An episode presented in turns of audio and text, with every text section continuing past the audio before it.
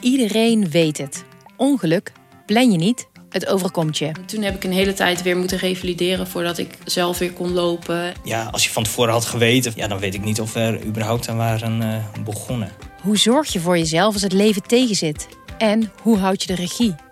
Je hoort die antwoorden in aflevering 23 van de podcastserie Zorg voor Leefkracht.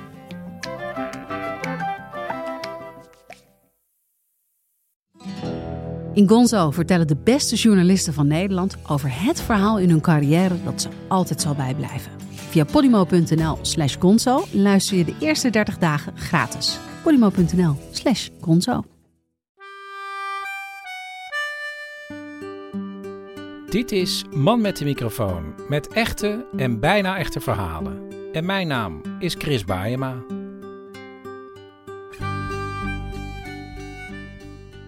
Paulien, het is eigenlijk de week van de Amerikaanse verkiezingen. Want weet jij bijvoorbeeld dat het kabinet overweegt om eventueel een avondklok in te stellen? Ik hoorde daar wel iets over. Oké, dus het gaat niet helemaal langs je heen? Nee, nee hoor. Oké, ja, ik hoor het dan ook in het voorbijgaan. Maar, wat, maar wij waren wel ja, verbaasd. Ja. Van is dat al zo? Maar het is ook omdat een avondklok op ons totaal geen invloed heeft. dat we dan altijd al slapen. Ja. Iets anders wat, waar, waar ik dan wel van schrok was dat op een gegeven moment werd gezegd... misschien gaan de middelbare scholen weer dicht in bepaalde regio's. Ja. Maar toen was ik wel gerustgesteld dat het toch niet... We wonen in de hoofdstad, niet onze regio is. Ja, maar dat, moet je niet zeggen, want oh. er luisteren nu ook mensen in, in... Ja, maar die zouden ook gerustgesteld Maasland, zijn. Als het niet of waar het dan ook was. Ja, nou ja, dat was toch wel redelijk dat ik dacht, wel, nou, toch wel fijn. Ja. En jij had nog een op opmerkzaamheidje vandaag op straat. Ja, zo grappig. Ik, ik liep langs twee mannen die met elkaar aan het praten waren. En ik merkte heel erg dat zij bij elkaar aan het aftasten waren hoe sceptisch de ander was over corona. Maar dat konden ze natuurlijk niet hardop vragen. Dus het ging zo, het gesprek ging zo. Die ene man zei van... Ehm, Ga je, ga je uh, naar de HEMA en zo? nee, daar kom ik niet meer hoor, de HEMA. Want wij hebben een nieuwe HEMA, die is heel krap. Nee, daar kom ik niet meer in de HEMA, want uh, zodra je daar binnenkomt heb je al corona. Zegt uh, de pandemiewinkel is dat. Kon ik me op zich wel in vinden. Zei die andere man, ja nee, de pandemie. En toen die eerste man weer, ja, de, de pandemie. Waardoor, is, ik, en ik voelde echt zo dat ze eigenlijk, ja, geen van tweeën wilde de stap nemen door te zeggen: maar het is natuurlijk allemaal onzin. Want ze waren ook al aan het klagen op het punt van: je kan de HEMA niet meer in. Maar zodra je de pandemie onzin vindt, kun je dus weer wel de HEMA in. Dus waar zat precies. Het was, het was heel mooi om te zien eigenlijk hoe, hoe twee Zoekende wezens ja, elkaar kosten wat kost proberen te vinden. Dat was mooi. Dat was eigenlijk het hoogtepunt van mijn dag. Oké. Ja, en we gaan er dus. Ja, ik, ik moet het toch. We zitten natuurlijk de hele tijd te kijken of. Volgens mij is het wel de dag dat Biden richting uh, het presidentschap ja, ik heb uh, net geschoven werd. Ja, ik heb net gehoord, normaal gesproken staat mijn column op de voorpagina van de Volkskrant. En als het nou zo is dat ze zeker weten dat het Biden wordt, dan staat mijn column voor één keer, niet op de voorpagina, want er staat er een heel grote foto van Biden. Maar dan sta ik op de drie. Maar ik denk dat je morgen nog op de één staat, gek genoeg. Ik denk ook, want ik denk, denk dat het langer duurt met ja, tellen. dat denk ik ook. Um, maar als het niet zo is, uh, ja, het lijkt me eigenlijk wel heel ja, historisch tof. en tof. Ja. Um, we gaan beginnen met de uitzending. En ik had gevraagd in een oproepje of jullie verhalen konden inbellen met het thema toch niet zo'n goed idee. en um, daarvoor geef ik eigenlijk uh, meteen het woord aan mezelf. Tijdens de eerste lockdownperiode, toen ik die serie maakte, de dagelijkse serie, sprak ik, ik geloof dat het op dag 20 was, met Maria. En zij heeft een vorm van autisme. En dan is het natuurlijk handig dat je zo min mogelijk prikkels binnenkrijgt. En dus was het voor haar op dat moment heel erg wennen.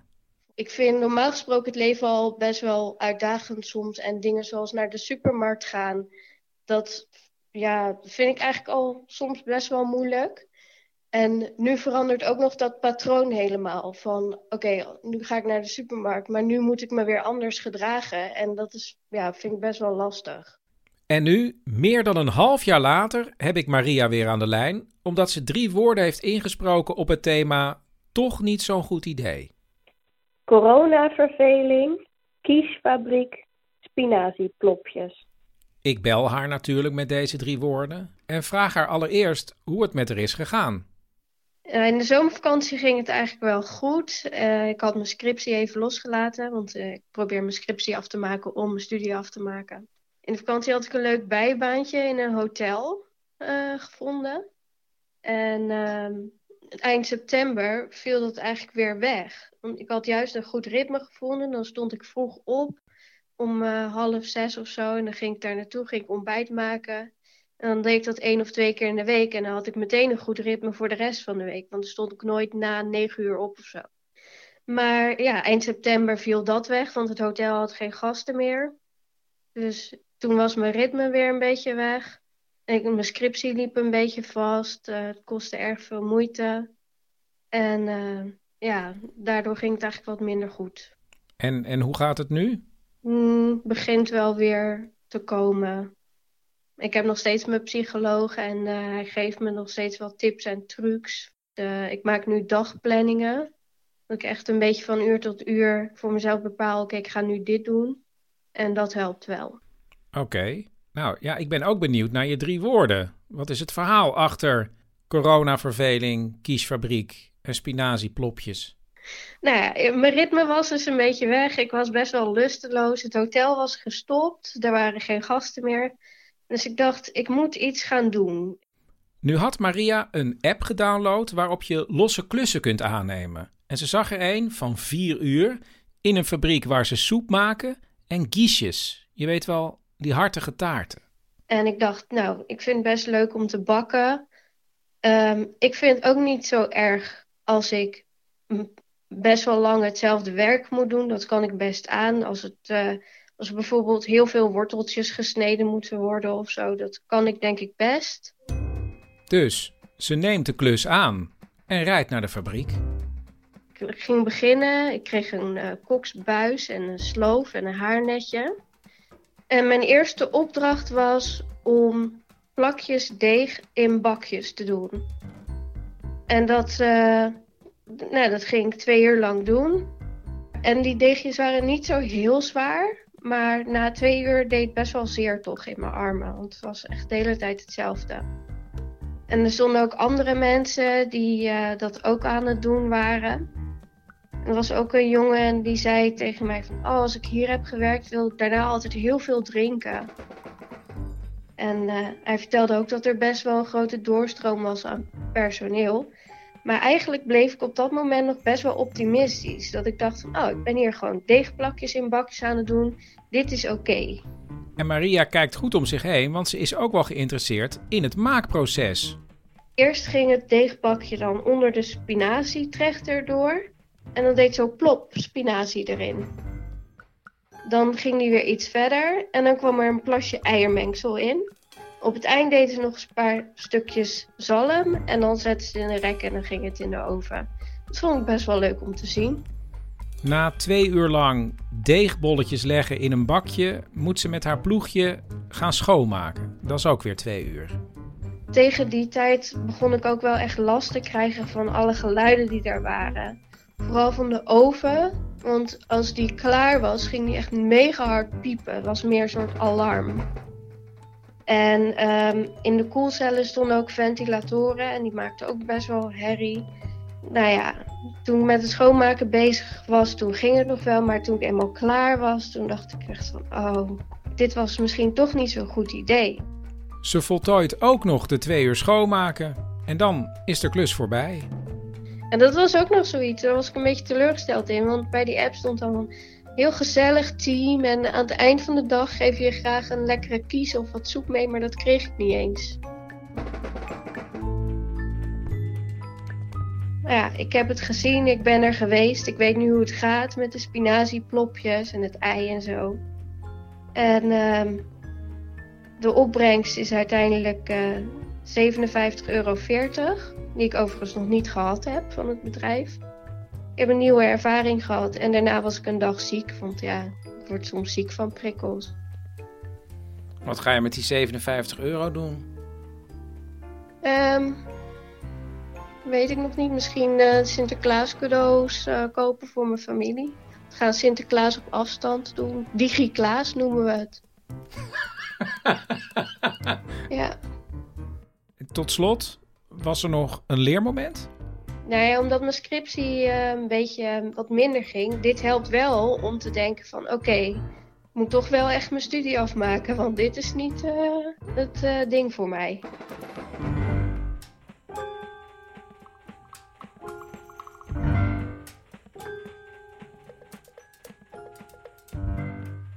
Chris, Bert, Sint Maarten. ja, gaat niet door. Ja, gaat wel door. Nou, bij ons mogen de kinderen niet met een lampion langs de deur, Bert. Kinderen aan je deur. Nee, geen snoep, geen mandarijntjes. Wie heeft het over snoep en mandarijntjes? Ik heb het over frozen margarita's en verse watermeloen. Nou, dat lijkt me een heel onverstandige keuze, Bert. Volg jij nieuws eigenlijk wel, Chris? Nou, ik probeer het nieuws een beetje van me af te houden, want ik word daar zenuwachtig van, ja, Bert. eh, we gaan dus op vakantie. Naar Sint Maarten, het eiland. Hè? We? Ja. Maar, maar, maar vorige week wilde je nog naar eh, Oostenrijk om te skiën. Ja, nu niet meer. Ik blijf Hè? liever gewoon veilig in eigen land. Nou ja, eigen land, Bert. Je wil Ja. naar een ander werelddeel. Nederland is Nederland, dat heeft Mark Rutte zelf gezegd. Nou goed. Ik neem aan dat je alweer eh, aan het kijken bent op internet. Het eh, Sonesta boek? Point Resort, vijf sterren, hier. Het Sonesta-team wil maar één ding en dat is haar gasten een droomvakantie bezorgen. Nou, verrassend. Ja, en ze hebben een cabana. Een cabana. Ja, een cabana, Chris. Wat is een cabana? Ehm, een cabana, dat heb ik even gegoogeld. Ehm, volgens Wikipedia is het een inheemse hut met bladeren of een recreatiestructuur. Een recreatiestructuur. Ja, ik denk ook dat het hier ook een eh, recreatiestructuur is. Maar dan wel gebaseerd op, dus op een originele hut. Hè? Een soort moderne herbeleving. Ja, Hier, ja. listen. Vlei je neer in een cabana bij het ene zwembad. Doe een frozen margarita bij de poolbar in het andere zwembad. Of pak je iPad en ga lekker loungen op het trendy Sky terras. Je moet wel kiezen, hè Bert? Ja, dat weet ik. Je kan niet alles tegelijk doen. I know. Weet je nog dat we naar Madurodam gingen? In 2000. Eh, dat was iets, zoiets heel anders. Maar toen raakte je in paniek omdat je naar het schip van de Vergulde Bever wilde. En Ja. je wilde balletje trappen in de voetbalattractie. Ja, ik dacht dat er alleen kleine huisjes waren, dus het overviel me gewoon een beetje. Ja, maar je drong voor. Eh, ik was in tijdsnood. Bij een kinderattractie, Bert. Kijk, nu weet ik precies wat er gaat komen. Hè? Ik ben me gewoon helemaal aan het inlezen. Ja, het klinkt allemaal ontzettend mooi, Bert. Maar dat kost ook klauwen met geld. En jij gaat alleen met Piet. Maar wij moeten ook nog drie kinderen in een vliegtuig zetten dan. Ja, nou ja, dat is dus het goede. Wat is het goede? De reis naar Sonesta Ocean Point is alleen voor volwassenen. Hè? Dus die kinderen kunnen niet eens mee. De kinderen kunnen niet mee. Precies, die kunnen niet mee. Slaap er nog een nachtje over. Hè? En dan bellen we morgen even. peper, bouwvakkers en intiem. Dit zijn de drie woorden van Esther. En dit is Esther. Mijn verhaal gaat over een jaar of tien geleden. Ik studeerde nog en ehm, ik had een, ehm, een minor gevolgd over trainingen geven. En toen die minor was eh, afgelopen en eh, wij enthousiast aan de slag mochten met onze eigen klus, hebben we met studenten, ook in de vorm van een opdracht, een eigen bureau opgericht. En dat bureau hadden we Paper genoemd, bureau Paper. Daar begint mijn verhaal. En ehm, ja, daar moest natuurlijk een slogan bij gemaakt worden. En een beetje naïef als wij toen waren, hadden we bedacht dat het wel leuk was om dan eh, meteen shirtjes te laten drukken. En eh, van bureau Paper. En er stond een grote paper op de voorkant. En achterop o- op onze rug stond dan pittig, puntig, prikkelend. Vervolgens moesten we natuurlijk een opdrachtgever gaan zoeken om een training bij te gaan geven. En via via kwamen we terecht bij de FNV Bouw. Zij wilden hun eh, gepensioneerde bouwvakkers wilden zij helpen om om te gaan met veranderingen. Ja, en dat is nou echt een klus voor bureau Paper. Dus ze kregen hem ook. En op een dag reist Esther samen met vijf andere jonge studenten naar de FNV. En zij gaat de dag openen. Dus ze staat voor een zaal met... Wat zal het zijn? 40 uh, gepensioneerde bouwvakkers, bijna allemaal mannen. In mijn shirtje, bureau paper, pittig, puntig, prikkelig. en uh, ik had uh, bedacht, weet je wat ik doe? Die grote groep mannen, die moet ik zo snel mogelijk opsplitsen. En een groep opsplitsen, dat hadden ze gehad in de opleiding. Dat kan op veel manieren. Maar Esther koos voor, ja, één uit het boekje, namelijk... De lijn. En je, je vraagt dan aan mensen om in een rij te gaan staan. En uh, in een bepaald soort volgorde. En wij hadden dit geoefend met dat je moest vragen aan uh, je deelnemers om in een rij te gaan staan. Met aan de ene kant de mensen met de meest lichte ogen, dus, uh, dus oogkleur. En aan de andere kant de mensen met de meest donkere ogen. Ja, dat, dat beviel heel goed in de les. Iedereen kijkt elkaar diep in de ogen. Mensen moeten lachen. Het is meteen gezellig. Je hebt meteen contact met elkaar. En vervolgens kan je zo zeggen: Oké, jullie vijf staan naast elkaar. Hè? Jullie gaan die kant op, jullie gaan die kant op. En dan heb je de groep gesplitst. Maar ik had niet heel goed over nagedacht dat um, de doelgroep die ik voor me had, um, deze bouwvakkers, ja, elkaar diep in de ogen kijken is een beetje intiem. en dat, uh, ja, um, ik stelde dit voor en ze keken mij aan. en ze vouwden hun armen over elkaar. En ik stond daar in een, grote zaal tegenover al die mannen. En ik wist, dit is mis. Dit was totaal het verkeerde begin. En het zal waarschijnlijk um, nou een halve minuut geduurd hebben. Maar ik kan me nog heel goed herinneren hoe ik daar stond. En totaal niet wist um, van voor of achter hoe ik nu uh, verder moest. En dat het echt een rampzalige dag zou worden. Want ik moest nog de hele dag met ze. Uiteindelijk heeft Esther de groep zelf gesplitst. En toen is ze met ja, haar jonge collega's de rest van de dag gaan opvullen. Maar ik weet nog wel heel goed dat we aan het eind van de dag een uh, borrel hadden geregeld. En dat het heel gezellig was. En dat ze terugkeken op een leuke dag. En uh, dat ze uh, ook wel toegaven dat ze in het begin wel dachten van wat komen jullie hier doen. Um, maar dat ze uiteindelijk wel ja, het in ieder geval leuk hadden gehad. Dus of dat ze echt waren voorbereid op verandering, dat vraag ik me een beetje af. Maar leuk was voor mij al een hele opluchting. Ja.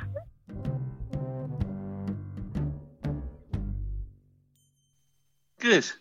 Ja, meneer Pauw van Wieldrecht, u had, u had uh, gebeld. Ja, moet je luisteren. Ik heb voor jou een petit histoire. Écoute. Ik luister. Nou goed, je weet, hè, we hebben die heerlijke burcht in Italië. Ja, in Bellagio. Ja, eh, precies. Nou, er was een dalletje verderop een wijngaardje met zo'n oud gammel mannetje, weet je wel, Mario. Helemaal verschrompeld, uh, klein vrouwtje erbij, zo'n zwart-wit foto. Je kent ze wel. Nou, nu leek het mij dus wel geinig om die wijngaard te hebben voor een paar eigen flesjes beetje experimenteren, dat werkt, weet je Maar dat wil die Mario natuurlijk niet. Nee, nou, dat is natuurlijk wel te begrijpen. Ja, maar goed, dan heb je wel een hele lastige aan mij, Chris. Want op zo'n moment zie ik al een etiket met een pauw voor me. Begrijp je dat? Ja, nou, en wat deed u toen? Nou, goed, Verder zoeken? Kwestie van, nee, kwestie van even doordrukken, weet je. Vind ik ook leuk, hoor, dat spel. Even op emotie meebewegen. Op emotie meebewegen? Precies. Hier, luister.